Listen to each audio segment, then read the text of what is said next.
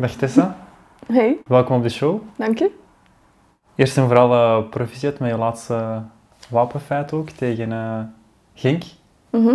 Een six to play, zes doelpunten gescoord. Ja, sinds eh, dit weekend had ik daar nog nooit van gehoord. Dus vooral is het de eerste keer. Sowieso. Nu tegen, in de Champions League ook tegen de Linfield Ladies heb je Mhm. ook echt een waanzinnige match gespeeld, vind ik. Ehm, hoe komt het dat je zo in, eh, in topvorm bent? Ik denk dat we gewoon een heel goede ploeg hebben met veel kwaliteiten. En er zitten heel veel red flames in ook. Dus ehm, ja, we vinden elkaar goed op het veld. We weten wat we aan elkaar hebben. Onze tegenstander was ook niet altijd van een hoog niveau natuurlijk. Maar we maken wel eh, veel doelpunten en dan is het als aanvaller niet zo moeilijk om veel te scoren. Ja. ja, want ik heb ook gezien, echt je laatste drie matches, denk ik, in de competitie.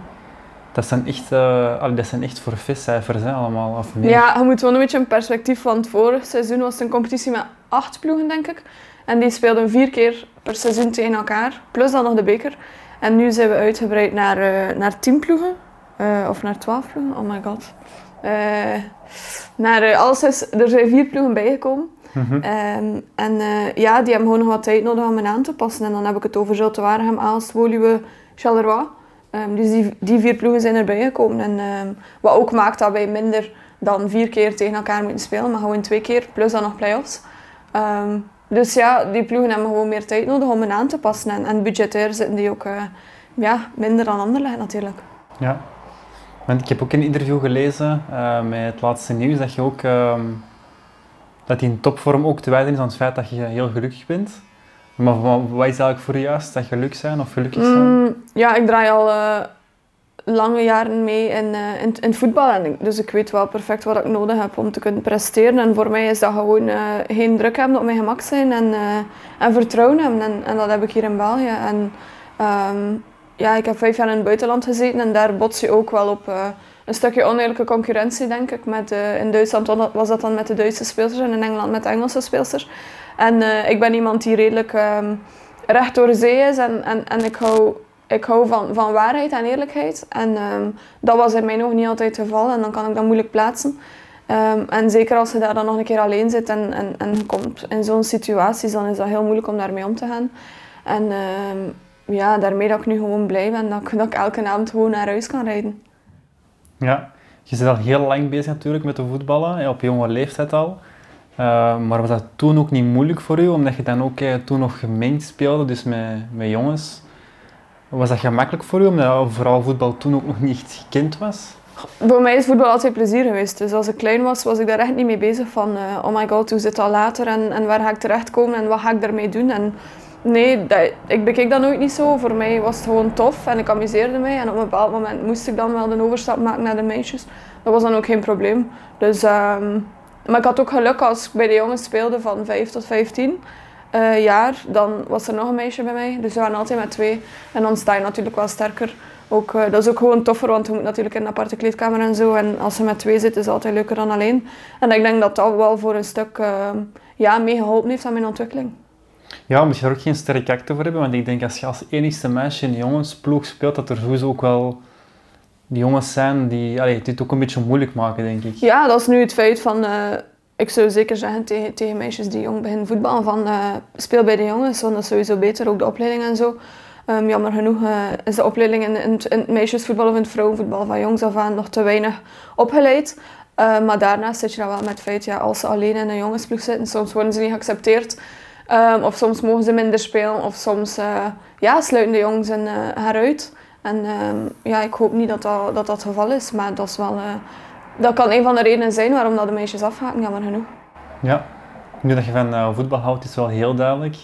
ik denk ook dat een van uw eerste foto's op Instagram was ook eh, in de voetballende houding. Ja. Dus, ehm, maar van waar is eigenlijk ooit die passie gekomen? Het is, van waar is ooit zo die...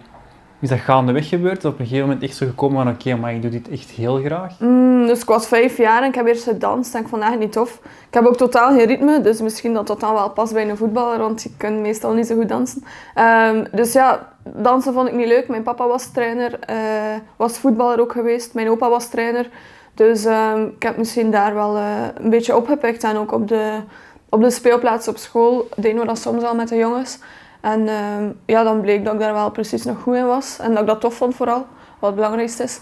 En dan vroegen die van ja, kom je niet bij ons? Dat was toen uh, in Wakken, dat was niet ver van waar ik uh, naar school ging en waar we woonden. En dan ben ik naar daar geweest en uh, ja, zo erin gerold eigenlijk. En dan echt wel gemerkt van ja, ik doe het echt graag en ik ben er ook goed in, want dat, dat is voor mij ook belangrijk. Iets waar ik minder goed in ben, ga ik sneller in afhaken denk ik, omdat ik redelijk um, perfectionistisch ben. Dus um, ja, sindsdien niet meer gestopt.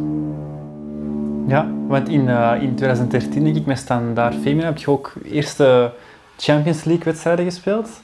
Hoe is het eigenlijk om als, als meisje zo'n, denk ik, droom dan, als ik zo mag, allee, eerlijk mag zijn, van, om zo'n droom te zien uitkomen dat je echt ja, een Champions League weet. Is dat ook hetgeen dat je verwacht had toen dat je het speelde, dat je dat zo'n dingen ging ervaren? Of? Nee, voor mij was zelfs nooit een droom om professioneel voetbal te spelen. Of Ik wist zelfs niet dat dat bestond. Ik had ook totaal geen idool, want ja, vrouwenvoetbal was totaal niet bekend. Dus er was ook niemand om naar op te kijken of om te zeggen van oké, ik wil zoals die worden. Dus uh, ik ben er gewoon ingerold en, en standaard heb ik ook lang afgehouden omdat dat ook super ver was en ik studeerde nog. En ik vond het vooral belangrijk om eerst mijn diploma te hebben. Dus um, dan ben ik eerst uh, gaan studeren als ik nog in Zulte speelde, omdat dat dicht bij huis was. En dan een beetje af te tasten van hoe, hoe is die combinatie. Dan ben ik naar Anderlecht gegaan en dan dacht ik van oké, studeren lukt hoe.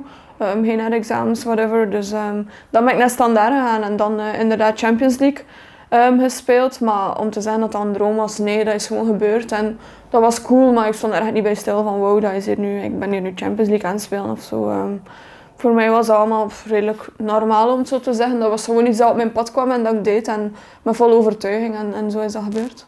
Ja. Was die... Uh, ja, was dat ook effect, kun je dat vergelijken bij mannenvoetbal Champions League? Allee, kun je ook echt zeggen van... Was er ook veel volk in het stadion? Hoe was die entourage? Hoe was die... Mm, nee, er was niet zoveel volk zoals bij de man natuurlijk niet. Maar dat was wel tof, want we mochten dan ook op Sclessin spelen. Um, dus dat weet ik nog. En dat was dan ook tegen Glasgow. En ik heb daar dan ook gescoord, dat weet ik nog. Um, maar entourage, nee, dat was gewoon van oké, dit is nu een Champions League wedstrijd, maar dat kon even een competitiewedstrijd geweest zijn. Ja. ja je speelt nu ook bij Anderlicht, um, met rug nummer 27. Je bent ook 27, is dat toeval? Ja, inderdaad. Nee, dat is geen toeval. Uh, er waren weinig nummers over, omdat meestal speel ik met 9 of met 10. Uh, zo was ik 10. Um, en, uh, en 9 is mijn nummer bij de Flames. Maar als dat niet vrij is, ja, dan heb ik eigenlijk echt geen nummer dat, dat belangrijk is voor mij. Dus ik geloof daar ook niet in. Dus dan neem ik gewoon mijn leeftijd. En dan bij City was ik 25 en nu bij Anderlecht ben ik 27. En waarom die keuze voor 9 of 10 altijd? Um, ehm, 9 is zo wat spits en dat is wel mijn, uh, mijn positie. En 10 is zo, ja, dat heeft zo altijd een bijklank van een, de nummer 10 van een ploeg is een, is een belangrijke speelster. Of, of is een, een meest technische, creatieve speelster. En ja, dat is wel uh, een van mijn kwaliteiten. Dus dan vind ik ook dat dat bij mij past. Ja, je hebt ook, um, ook al heel wat mooie dingen gewonnen, hè, waaronder gouden schoenen ook. Aan wat denk je dat, dat je succes te danken is? Mm, aan het feit dat ik me nooit druk heb opgelegd en gezegd van ik wil en ik moet dat bereiken. Ik ben gewoon iemand die van nature competitief is en een winnaar is. Dus uh, ja, ik wil alles winnen, zelfs op training, uh, anders ben ik slecht gehumeurd. Dus dat zit wel in mijn karakter. Dus, uh, maar ik weet ook redelijk goed wat ik wil en wat ik niet wil. En, eh, en wat ik wil is ook deels gelukkig zijn en daar laat ik mijn keuzes altijd um, van afhangen. Dus um, ik zou sowieso opnieuw naar het buitenland zijn geweest. Ik was 22 en ik vond dat ook een ideale leeftijd, want um, ik heb dan eerst mijn diploma gehaald. En dan uh, was er ook niets die mij tegenhield om, uh, om naar het buitenland te gaan. Want ik denk de combinatie studie en buitenlands voetbal, professioneel voetbal, is, uh, is niet te onderschatten. en, ja, en daarnaast, ja, zoals ik zei, ik weet gewoon redelijk goed wat ik wil en niet wil. Ik heb ook nooit spijt van mijn keuzes, omdat ik het gewoon laat afhangen van mijn gevoel. En um, ja, dat heeft mij denk ik gebracht tot waar ik nu sta. Hoe doet je dat? Want je vertelt ook tegen mij van ja, Mathieu, ik, ga, um, ik heb mijn eigen geen druk opgelegd. Maar ik kan me inbeelden, um, Tessa, als je het top speelt, zo zeker op jong niveau al is, dan daar, dat is echt alleen top. Hè. Ik bedoel nu alleen Anderlicht, maar dat is natuurlijk nu al wat later. Maar je speelt in, in topclubs, je gaat ook naar het buitenland, Wolfsburg City. Hoe ligt je jezelf geen druk op? Want gebeurt dat niet natuurlijk. Krijg je zo... Of met andere woorden, hoe kun je eigenlijk die druk van je zetten? Want je krijgt sowieso ook veel druk van andere mensen, van, van je mama of van je, van je naasten, van... Oh, nu dit, nu dat, nu zus en zo. Ja, dat is inderdaad zo. En ook zeker van de media, die hebben een bepaald beeld van u en die verwachten veel van u. Maar uh, ja, ik zeg altijd van ik heb genoeg bewezen en ik moet niks meer bewijzen. En, en vroeger ook. Ehm, ik had zoiets van, uh, ja, ik zie wel waar dat ik raak en ik doe gewoon mijn best. Want nu ook voor op het begin van het seizoen zeiden ze, ja, wat is je target? Uh, topschutter, 50 goals per seizoen. En ik had zoiets van, nee, ik wil gewoon een titel winnen met, met Anderlecht collectief. En ook de beker en waar ik zelf strand, dat, zien we wel. En, en ja, als je targets oplegt, dan, ja, dan geef je je eigen automatisch druk. En, ehm, ik probeer er gewoon van alles plezier in te zien. En nu zeker met Anderlecht is het terug meer zo back to basics. Zo veel minder entourage, professionaliteit. Natuurlijk zijn we denk ik een van de meest professionele clubs in België, dat wel. Maar als ik dat vergelijk met het buitenland, is dat nog een totaal ander verhaal. En dan word ik zo echt wel herinnerd aan waarom dat ik ben begin voetballen. En, uh, en, en, en, en doordat er zoveel minder professionaliteit rondkomt, dan, dan is het ook zoals, zoals vroeger. En ja, zoals ik zei, back to basic. En, uh, en toekomen op training en beginnen met trainen. Terwijl in City was dat dan nog met ontbijt bij en was dat nog dit. En dan moesten we eerst nog losmaken voordat we effectief op het veld mochten. En dan komt er zoveel meer bij kijken. Terwijl nu kom je gewoon toe op training en je begint te voetballen. En zijn je klaar met trainen of met de wedstrijd, dan ga je gewoon naar huis. En dat is hoe dat vroeger was en daar geniet ik wel terug van. Vind je dat... Of ja, nee, ik zal het anders zeggen. Want jij bent ook de enige die daar in België prof is, alleen effectief, of een van de weinigen dan misschien. Mhm. Is dat soms ook moeilijk voor, want het blijft een teamsport, voor je andere ja, mensen die in je team zitten, om daarmee om te gaan? Want ik kan misschien ook wel inbeelden dat er wel ten opzichte van nu dan misschien wel een beetje jaloezie is, omdat jij dan eigenlijk wel misschien hetgeen kunt doen wat andere meisjes misschien in je team ook ambiëren? Mm, ik zou altijd dat voetbal een teamsport is, maar je speelt er individuen, want iedereen bepaalt nog altijd zijn eigen carrière en, en wil nog altijd uh, ja, eigen statistiek of whatever opkrijgen. Dus um, ja, ergens is er sowieso wel jaloezie, denk ik. Maar um, ja, part of the game, daar moet je ook leren mee omgaan. Maar daarnaast um, denk ik ook dat het mannenvoetbal zijn er ook heel veel verschillen. De een moet ook nog gaan werken of de een verdient ook een pak minder dan een ander. En ja, so be it. Um, dan denk ik ook van ja, ergens heb ik het ook verdiend denk ik en heb ik het ook bewezen. Dus um, ik voel me daar zeker niet schuldig over. Maar voor mij is altijd een droom om te zeggen van kijk, iedereen kan prof zijn in België. Dus um, dat gun ik zeker iedereen, want dat komt ons alleen maar ten goede, ook de nationale ploeg. Als iedereen gewoon fulltime kan bezig zijn met voetbal elke dag. En, uh, want de mensen die verwachten ook altijd dat wij als prof leven en ons als prof gedragen en voorkomen als prof en um, de trainingseenheden van, van de prof doen. Maar die vergeten wel nog dat sommige meisjes nog een part-time of een fulltime gaan, werken. En, uh, ja, de verwachting ligt super hoog, maar wat wij er moeten voor doen is echt wel, uh, of wat andere meisjes er moeten voor doen, is echt wel crazy om, om hetzelfde als, uh, als een prof te, te, te, zijn of te leven. Dus um, ja, dat is echt wel een groot respect, denk ik. En hoe komt het dat de, aantal zo laag ligt van uh, profs bij vrouwenvoetbal? Mm, omdat er gewoon nog veel te weinig investeerders zijn en clubs die zeggen van oké, wij, wij zetten die stap en um, ze verwachten eerst een bepaalde kwaliteit van een speelster, maar daar, natuurlijk moet je daarvoor investeren en, en dat komt er niet zomaar. En, uh, ja, ik heb ook de grootste stappen gezet in het buitenland qua, qua fysiek en zo, omdat ja, ze zijn er continu mee bezig. Maar buiten als je nu nog moet gaan werken, ja, dan, om dan nog twee keer te trainen op een dag, dat, is, ja, dat gaat niet, want dan maak je jezelf kapot. Dus um, ja, je moet eerst een stap zetten als club of als investeerder, whatever, om, om te investeren in, uh, in entourage en in aantal training, om dan effectief iets uit je speelster te halen, denk ik, en niet, om, en niet omgekeerde. Stel dat er genoeg geld zou zijn, hoe dat gaat aanpakken? Uh, dan zou ik zorgen dat iedereen een minimumloon heeft om, uh, om ervan te kunnen leven.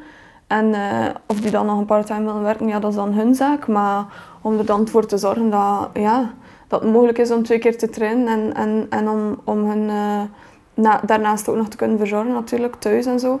Um, dus ja, ze zorgen dat er een minimumloon is waar dat iedereen van kan leven in België, om er dan professioneel mee bezig te zijn.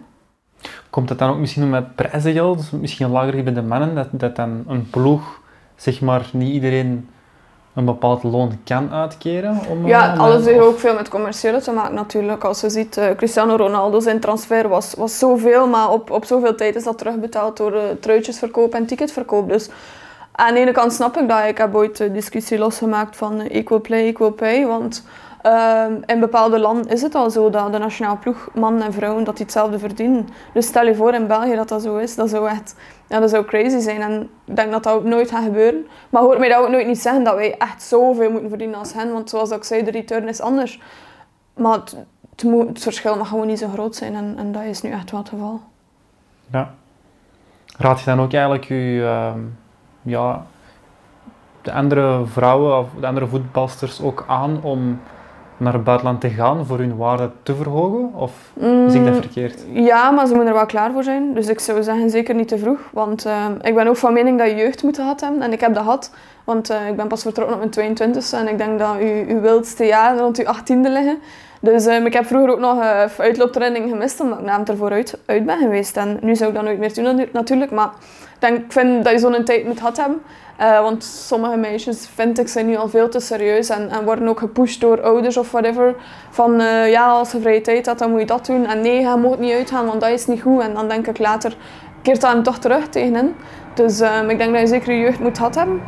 Ehm, en daarnaast zou ik wel zeggen, ja, als ze er klaar voor zijn en ze zien dat zitten en ze hebben een diploma, want dat vind ik ook heel belangrijk. eh, ja, waarom, waarom niet de stap naar het buitenland zetten? En, eh, Sommigen keren terug, omdat ja, het is eenzaam en je moet er veel voor opgeven. En je zit heel weinig thuis, je ziet heel weinig vrienden en familie. Dus het is niet voor iedereen weggelegd. Dus ik denk, ehm, ik zou het pas aanraden als ze er klaar voor zijn, als ze er goesting in hebben en als ze het tof vinden. Want anders, eh, ja, als je niet gelukkig bent, gaat u, gaat u het toch niet beter maken. Is dat ook een van de redenen waarom je bent teruggekomen? Omdat, je, omdat ik me ook afvroeg eigenlijk, je hebt daar een bepaalde entourage in City dat je eh, waarschijnlijk ook je niveau heeft verhoogd. Of toch op een bepaalde manier. Maar waarom ben je dan eigenlijk teruggekomen naar België, wetende dat eigenlijk het niveau hier iets lager ligt dan in het buitenland? Ehm, gewoon omdat die vooral meestal oneerlijke concurrentie, kon daar echt niet meer mee om. Ehm, en dan, eh, ja, dat frustreerde mij echt. En ehm, ook gewoon omdat ik ongelukkig was. Ik was bij Nationaal Ploeg en dat was tof, want dan praat je weer je taal en zo. Maar dan denk ik dat ik misschien max drie dagen per maand of zo echt thuis was in België. En dan moet je al de keuze maken, wie ga ik zien, wat ga ik doen. En dan krijg je eigenlijk soms een weekend vrij van City in de bedoeling van ja, we hebben een drukke periode gehad of er komt een drukke periode aan, het is de bedoeling om te rusten. Maar dan kies hij van oké, ik wil toch nog even mijn familie zien of zo, of mijn vriend. Dus dan kom ik naar België, ja, vliegreis, eh, dat is sowieso al vermoeiend. Dus ehm, dan kom je eigenlijk nog meer vermoeiend terug. En dan moet je ook nog de keuze maken van wie zie ik, wie zie ik niet. Wat ga ik doen? Ehm, en eh, ja, dat is heel hectisch. En ik had zo het gevoel dat ik altijd uit mijn koffer leefde en van hier naar daar. En eh, ja, dat is wel tof voor even natuurlijk, als je erbij stilstaat. Ja, Wolfsburg en Manchester City, dat zijn echt mooie clubs. Ehm, maar het woog op den duur niet meer op tegen, eh, tegen wat ik ervoor terugkrijg. En eh, ja, je wordt ook ouder en dan worden andere dingen ook belangrijk. En ik geniet daar nu gewoon van. Om, vorige week zondag bijvoorbeeld hebben we nog een pompoen uitgehaald voor Halloween met familie. En dat zijn echt die dingen dat ik echt gemist heb. En dat ik nu nog meer apprecieer, denk ik. Ja. Want wat bedoelt je ook, want je praat over oneerlijke competitie of concurrentie. Wat bedoelt je daar eigenlijk mee, dat juist is? Ehm, dat is dat hij als buitenlander bijvoorbeeld ehm, veel meer moet bewijzen om te mogen spelen. Of ehm, ja, ik ben iemand die supergoed is in vrije trappen of in penalties geven. eh, maar no way, als hij als kleine Belg in het buitenland komt, dat zij je die kans geven of hun om dat te laten doen, dan, dan is dat meestal een, ja, een Duits of een Engelse die dat gaat doen. En eh, het was wel grappig, want dan kwam ik in Anderlecht en dan dacht ik van oké, ik ga wel de penalties nemen hier. En dan eh, stond er een, eh, een Roemeense als eerste op blad. En dan dacht ik van, dat is weer typisch België. Wij zijn veel te braaf en, en veel te van, hier, doe maar. En veel te weinig zo, ja, België eerst, denk ik. Dus ehm, ja, dat was wel eh, een markant vers- verschil dat ik vond, ja.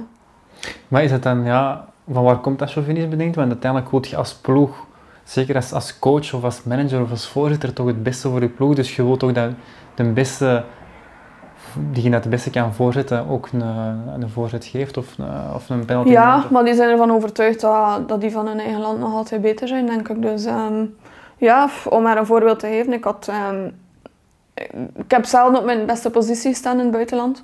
Gewoon een beetje van, ja, waar past het nog? En, en we maken er wel iets van. Ik was bijvoorbeeld, ik kwam van standaard, ik had superveel vertrouwen. Ik was, ik was goed in dribbelen, whatever. Eh, Ik maak in de voorbereiding 30 doelpunten bij Wolfsburg. Ehm, en de eerste wedstrijd start ik en scoor ik opnieuw. eh, competitiewedstrijd. En de tweede wedstrijd winnen we, maar scoor ik niet. En dan eh, koopt Wolfsburg een speelster aan voor eh, een pak geld. En die speelt plots. En dan zat ik op de bank en dan had ik zoiets van... Allee, ik heb nu toch al genoeg bewezen om... Laat mij gewoon spelen. Dus dat was voor mij echt een klap in mijn gezicht. En dan moest ik er ook leren mee omgaan en, en zien van... Oké, zo wordt dat, dat spelletje een beetje gespeeld. En in het buitenland op professioneel voetbalniveau heb ik dan ook wel... eh, ja, het vuile aan, het aan de voetbalwereld gezien, denk ik. En, ehm, zoals ik zei, ik ben redelijk... Ik hou van principes en, en recht door zee en eerlijkheid. En dan kan ik dat moeilijk plaatsen. Of bij City waren er wedstrijden waar ik drie keer na elkaar gescoord had en de vierde wedstrijd niet. En dan de vijfde zat ik alweer op de bank en dan had ik zoiets van, maar geef mij nu gewoon een keer dat vertrouwen. Ehm, want dan stond, stond, ik wel op mijn beste positie. Maar dan, uh, ja, dan was die, die spits terug uit blessure en dan stond hij daar terug. En zo van die verhalen en um, kan ik moeilijk plaatsen. Ja. Wat neemt je eigenlijk mee van zo'n clubs? Hoe dat die, ja, hoe dat die trainen, hoe dat die denken over, uh, over voetbal. Want bijvoorbeeld in, in, in, Duitsland heb ik echt leren, leren lopen en verdedigen. Um, tot in het, ja, tot in het te verdedigen toe. Maar oké, dat waren de Duitse principes en dan, dan moest ik dat doen. En in Engeland was dan vooral het voetballen van, van de keeper uit um, over de grond. En dat vond ik dan wel heel tof, want dat was dan echt mijn ding. Uh, voetballen over de grond en, en techniek en zo. Dus um, ja, dan neem ik dat allemaal mee en dan probeer ik dat een beetje over te brengen naar, uh, naar Anderlecht toe. En ik vind ook dat wij, uh, dat wij redelijk goed uit voetballen van achteruit. En oké, okay, daar zitten ook, ook fouten in natuurlijk, maar um, ik, ik probeer het liever dan dat we het niet doen. Ja, want hoe is die periode bij Wolfsburg juist verlopen? Want jij bent nu ook samen met je vriend Matthias. Mm -hmm. Uh, ik, kan me ook niet, ik kan me ook inbeelden dat dat niet evident is om zo'n relatie eigenlijk ook staande te houden. Uh, een week voordat ik vertrok naar het buitenland, dat ik wist van oké, nu ga ik uh, ja, de stap zetten, ik ben weg voor uh, onbepaalde duur, want ik had toen twee seizoenen getekend om te beginnen. Ehm, ben ik elke avond nog uit geweest, omdat ik dacht van ja, ik ga dat nu echt niet meer kunnen. En zo heb ik haar eigenlijk leren kennen en, en uh, ja, dat klikte. Uh, en dan nog drie avonden daarna elkaar nog gezien. En dan ben ik vertrokken. En dan had ik tegen hem gezegd van, kijk, um, van mij moet je dat niet doen, want hij gaat mij weinig zien en dat gaat echt moeilijk zijn. En hij zei van, uh, ja nee, we gaan dat doen. Dus um, drie weken later is, hij de trein gesprongen en is hij mij komen bezoeken. En dan dacht ik van, oké, nu is het serieus. Dus dan zijn we echt effectief aan, aan de relatie begonnen. En voor ons is het eigenlijk vanzelfsprekend geweest. Hij heeft mij ook nooit niet tegengehouden toen ik zei van ik ga naar Engeland of ik ga nog een jaar bijtekenen. Dat is eigenlijk allemaal zo verlopen, maar dat was ook gemakkelijk, want de eerste drie jaar in Wolfsburg studeerde hij nog. Dus, uh, en hij voetbalde hier ook, dus uh, dat was er ook geen sprake van dat hij zou meegaan of zo. Maar achter drie jaar had ik wel zoiets van, ja, zou je niet bij mij komen? Je moet nu toch werk beginnen zoeken. Uh, ja, samen in het buitenland, dat, is wel tof denk ik. En voor mij is dat ook een grote steun. En dan is hij naar Manchester gekomen. Uh, en achter vijf weken zei hij van ja, dat is echt niet voor mij. Ik mis mijn vriend, mijn familie. Hij hangt daar ook heel hard aan vast. Uh, voetbalploeg ook. Uh, ja, hij had precies echt geen zin om, om, uh, om daar aan te beginnen of om daar uh, een stap in te zetten. En ja, dan was het wel de vraag van oké, wat wil ik nu, wat wil, wat wil hij? Dat was wel ergens een, ja, geen breekpunt, want we zijn nog altijd samen natuurlijk. Maar dan had ik wel zoiets van oké, maar ik kon het niet over mijn hart krijgen om ermee te stoppen. Dus dan zijn we gewoon verder gegaan. Hij zijn ding, ik mijn ding.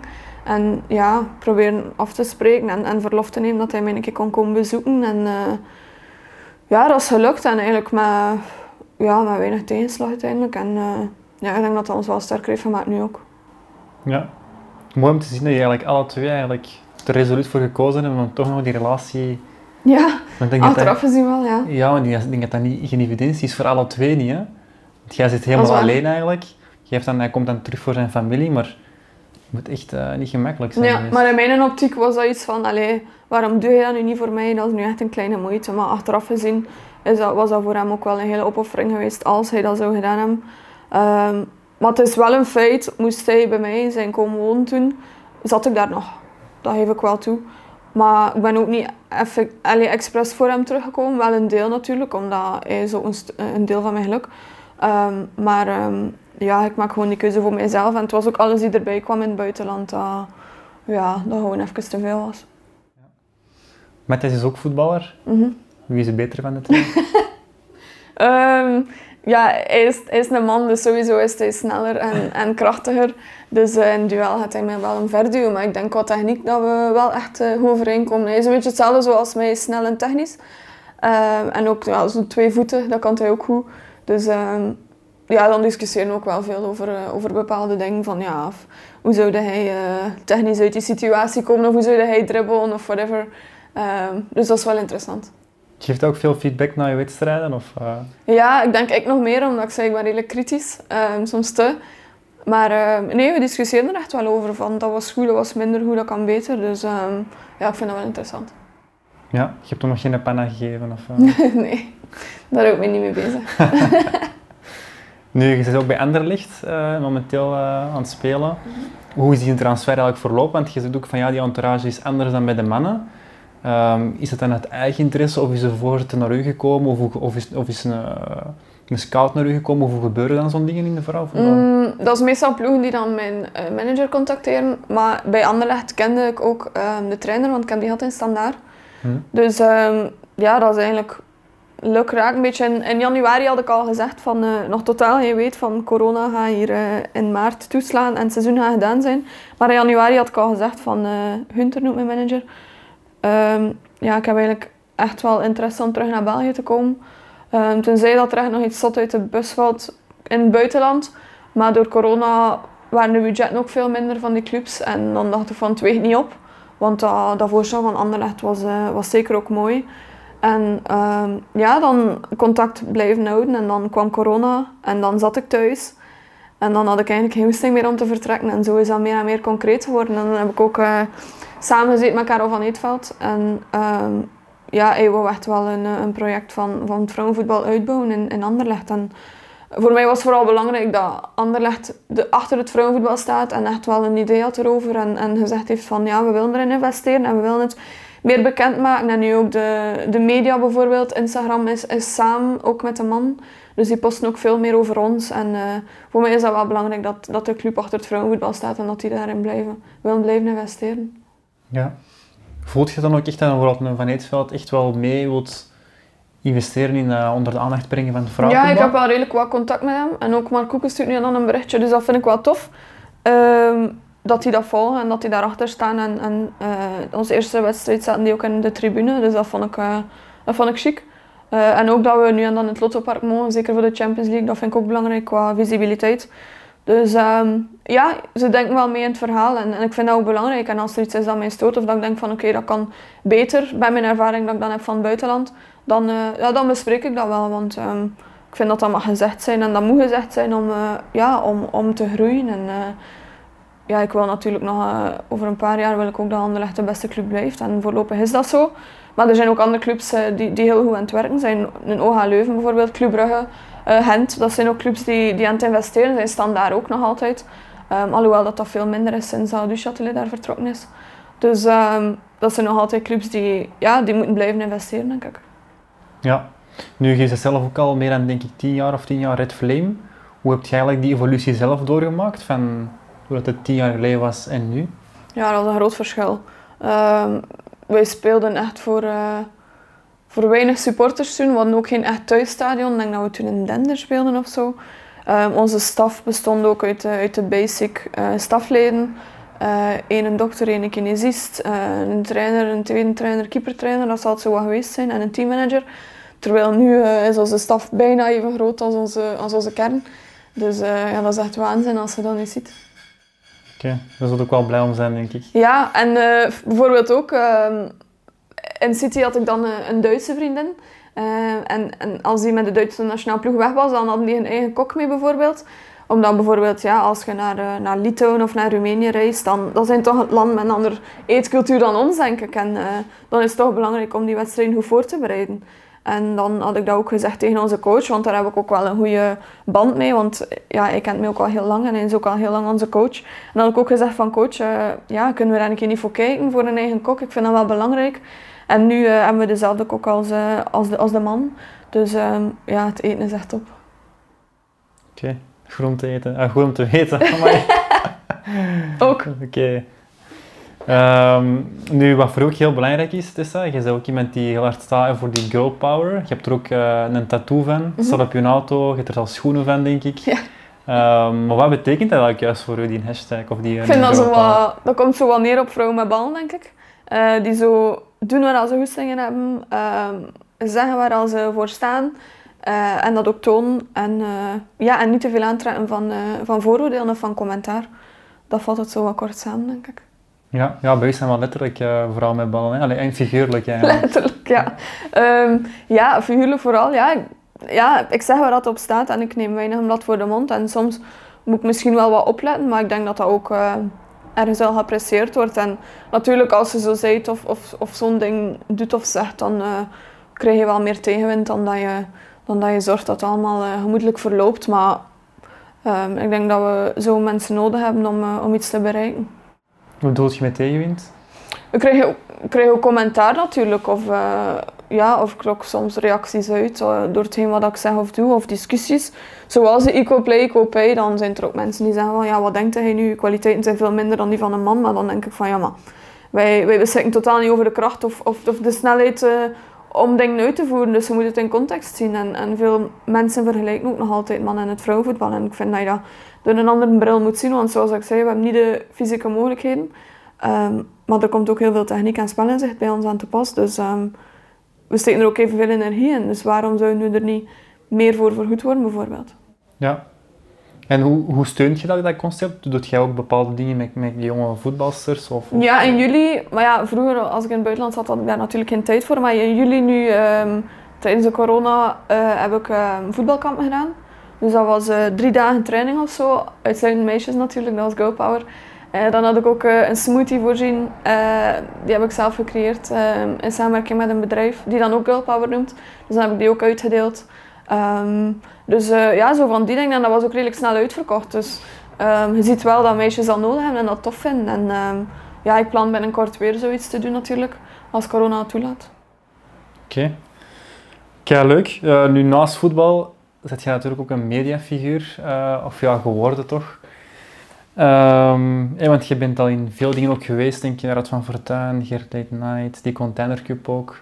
Allemaal tijdens corona, um, Ja, hoe, hoe is die ervaring van nu eigenlijk, dat je eigenlijk naast dat voetballen eigenlijk ook nog zo wat meer mediabekendheid uh, bent Ik denk dat mensen denken dat ik overdag niks te doen heb en, en gewoon samen ga trainen, maar dat is echt geen waar. Ik probeer me inderdaad ook bezig te houden met zo'n ding. En, uh, mijn dagen zijn eigenlijk redelijk druk gevuld, dat ik soms moet denken van oké, dan heb ik een wedstrijd, dus dan rust ik beter. Of deze week is druk, of die periode komt eraan. Uh, ik ga wat, wat gas terugnemen. Um, want ja, mensen werken overdag en zitten samen in de zetel. Maar ik zit dan overdag soms een keer in de zetel om s'avonds nog te moeten werken. En ik denk dat sommige mensen dat toch uh, onderschatten of niet weten. Um, en daarnaast, um, ja, zoals ik zei, dat was tijdens corona, dat was wel een keer tof om een keer zoiets te doen. Maar ik zie mijn eigen nog altijd gewoon als voetbalster. Ja.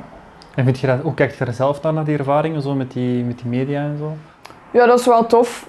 Maar ja, zoals ik zei, het belangrijkste is voor mij op het veld. En um, alles die erbij komt, is wel zo dat, dat ik nu eigenlijk zo, dat ik terug in België ben, een beetje de vruchten pluk van hetgeen wat ik bereikt heb of wat ik al gedaan heb. Um, en ja, dat is wel tof natuurlijk, want dan, ja, dan krijg je dingen aangeboden of zo. En ik heb nu ook bijvoorbeeld een auto, wat ook echt top is. Dus um, ja, daar ben ik wel heel dankbaar voor, want ik weet hoe dat was ervoor. Dus ik weet van waar ik kom. Ja, het is misschien ook een leuke manier natuurlijk om ook je, je dingen waar je voor staat, zoals in Girl Power, ook wel beter ja. onder aandacht te brengen. Hè? Klopt, daarom dat het op mijn auto staat. Ah, kijk. um, een van die ervaringen in dat medialandschap is ook uw uh, gouden schoenuitreiking uh, geweest. Um, die je trouwens ook hebt mogen ontvangen, denk ik, dit jaar aan Dimitri Vegas. Ja. Um, hoe, heb je eigenlijk in het BV-landschap al uh, nieuwe vriendschappen kunnen smeden? Vriendschappen? Uh, ik heb wel wat contact natuurlijk, maar uh, ja, ik zeg het, ik heb nauwelijks tijd voor mijn, om mijn eigen vrienden te zien. Dus ehm, veel komt er daar niet bij. Maar ja, dat is wel een keer tof om zo verschillende mensen uit verschillende hoeken, eh, ja, om daarmee te praten en om, om een visie te zien. Dus dat is wel interessant en tof. Ja, en hoe, hoe kijken die eigenlijk naar, naar Tessa Willaert?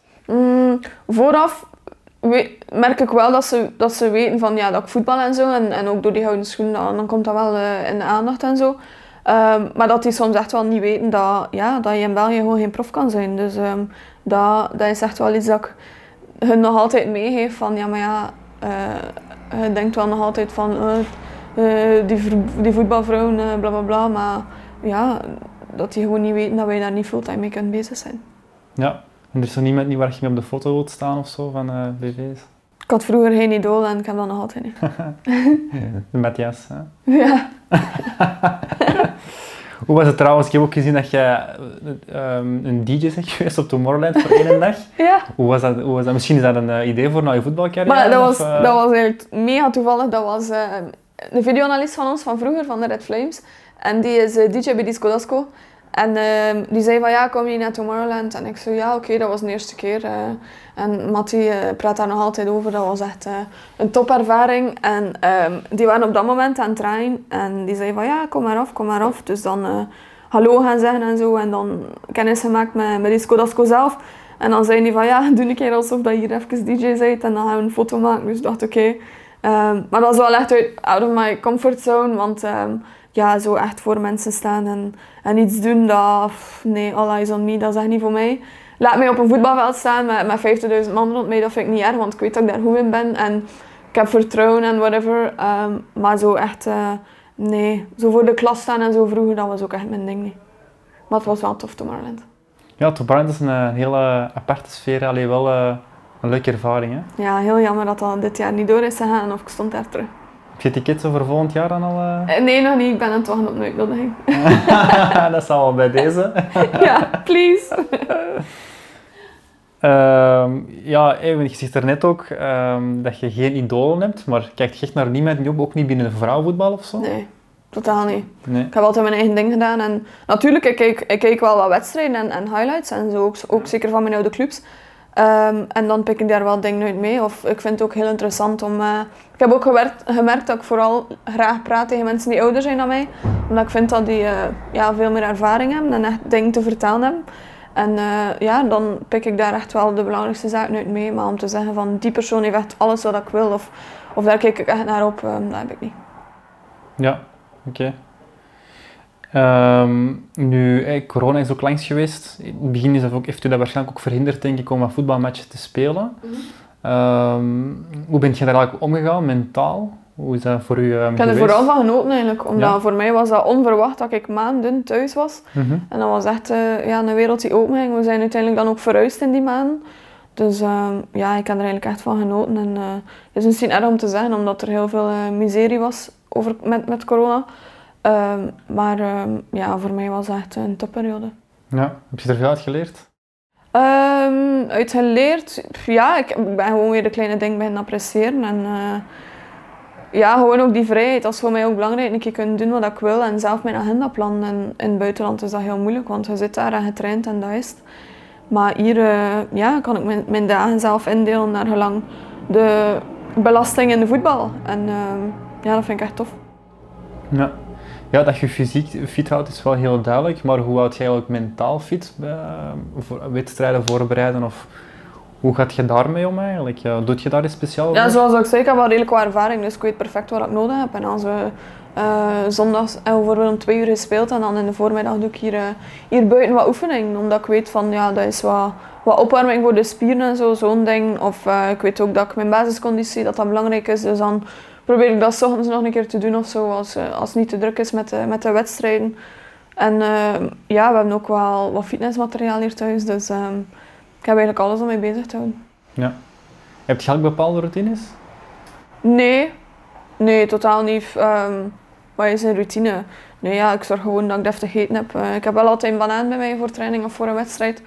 Ehm, omdat dat, ja, dat geeft mij een vol gevoel en dat geeft mij energie. Dus dat vind ik wel belangrijk. Maar voor de rest, ehm, nee. Ik heb ook geen bijgeloof of zo. Omdat ja, als dat dan door omstandigheden niet kan gebeuren, uw ritueel of whatever, dan, dan zit je met een probleem natuurlijk. En dan zit je uit je spel en probeer er zo weinig mogelijk in te geloven. Ja, en was je geen banaan eet voor je wedstrijd? Eh, er is altijd wel een banaan te vinden, denk ik. Eh, nee, ja, dan, nee, ik probeer toch nog altijd iets te hebben dat kan eten voor een wedstrijd. Oké, top. Je zit ook een enorme dierenfan, heb ik gezien, Tessa. Ja. Ehm, en je, je zit ook in voor zo, denk ik, divisie 2 in Hachiko. Hachiko, ja. Ehm, hoe komt dat dat je, want ik ben hier ook binnen geweest, hoe komt dat je zelf geen, eh geen We zijn aan het overwegen om een hond te, te nemen, maar zo, ja, we hebben ook buiten niet zo heel veel plaats. En zoals dat je zag, zijn er wel nog wat renoveringswerken bezig. Dus, ehm, maar we zijn zeker aan het overwegen om een te nemen, want ja, overdag kan ik mij ermee bezighouden en dan Mattie vooral s'avonds als ik aan het trainen ben. Dus in principe zal hij niet veel alleen zitten. Maar ehm, ik ben iemand die eerst altijd goed overweegt en, en alles op een rijtje zet voordat ik een beslissing neem. Ehm, dus dat is met een hond hetzelfde. Ja, oké. Ik heb ook gezien dat je als ontspanning veel ehm gamet ook. Ja. Ik denk, ik denk dat je ook precies uh, topscorer bent bij Call of Duty, of is dat verkeerd? Uh... Nee, ik heb wel wat vrienden die nog beter zijn dan mij, maar die spelen ook dubbele van mij. Maar moest ik kunnen, zou ik meer spelen dan dat. Dat is, ja, Call of Duty Warzone, dat verveelt echt niet en dat is tof. En dat is ook met vrienden, dus dan is het ook weer ergens sociaal. In zoverre, maar zeker in coronatijd, om, om contact te houden. En um, ja, ik vind dat gewoon echt een tof spel. Ja, ja ik, ik, zie toch veel het eindfilmpje passeren, dat je echt zo ja. de overwinnaar bent. meestal ben ik erbij voor de sfeer en, uh, en, mijn, en mijn, mijn, mijn, vriend voor de kills. Maar uh, ja, nee, ik vind dat gewoon heel tof. Dat is belangrijk, hè? dat is bij voetbal ook belangrijk, hè? drie man bij is voor de sfeer. Dat is waar, dat is waar. Maar het moet niet te veel zijn, want we moeten nog altijd winnen. Ja, gaat je de nieuwe Call of Duty ook kopen of niet? Sowieso.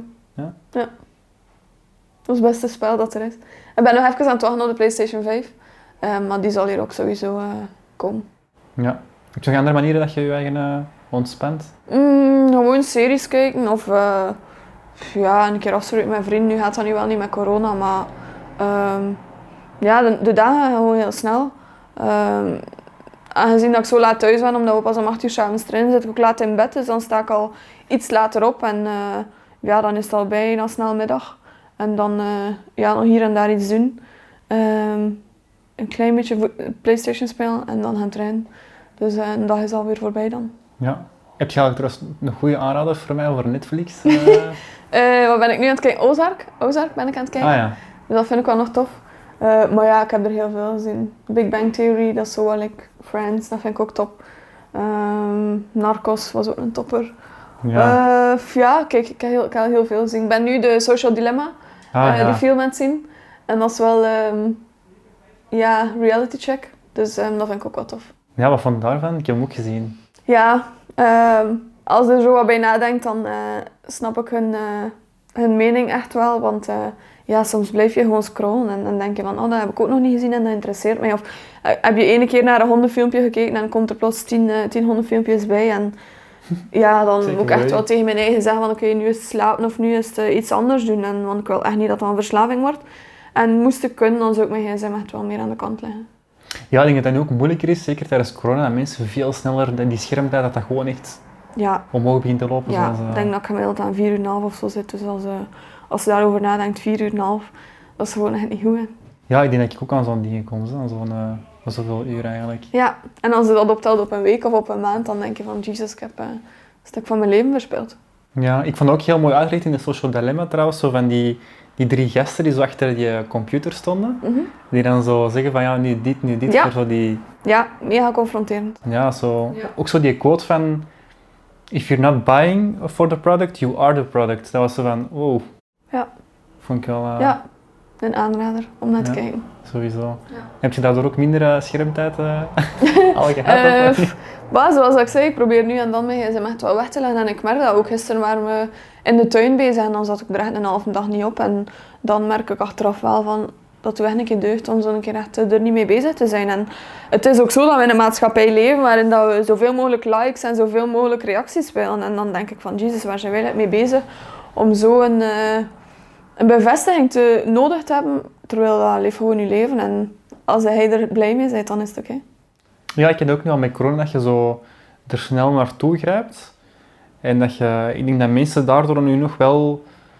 Want dat je dat zo'n hele dag doet, op het einde van de dag voel je ook zo'n beetje gejaagd of zo. Ik weet niet, zo wat, wat angstig of zo wat dingen. Zo, je voelt echt gewoon... Ja. Ook gewoon niet fijn omdat je zo ja, op een andere wereld hebt gezeten, vind ik. Ja. Dat is echt ja. crazy. En mensen worden nu beoordeeld op het aantal volgers als hebben en het aantal likes. En ik vind dat volledig verkeerd.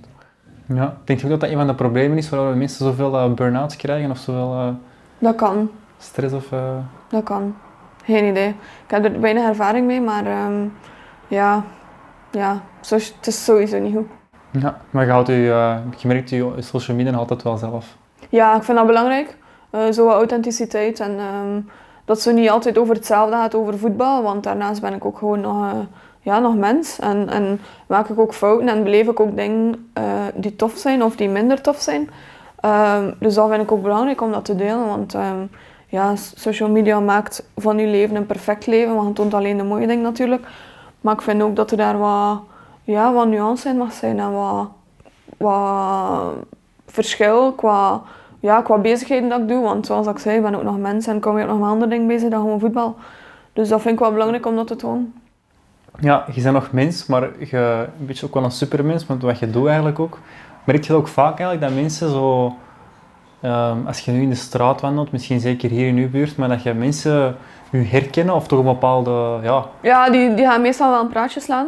Maar ik vind dat wel tof. Ehm, ik vind dat interessant. Die hebben, eh, die hebben ook wel iets te vertellen soms. En eh, ja, die zijn altijd positief en, en, en vriendelijk. En dat vind ik dan wel belangrijk natuurlijk. Eh, als die, of als die geen respect hebben of zo, dan zou ik daar wel echt een probleem mee hebben. Want zoals ik zei, ben ik maar gewoon mens. En eh, ja. ja, dat is het.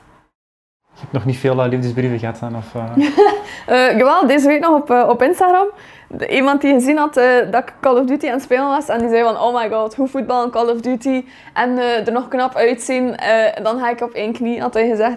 Dus ja, dat was wel grappig. Kijk eens aan. Top. Nee, uh, Tessa, bedankt voor uw tijd trouwens. Graag gedaan. Leuk dat je eh, wou deelnemen. En eh, nog keihard plezier en eh, succes in alles wat je doet. Buiten voetbal ook. Dus eh Dank je wel. Graag gedaan.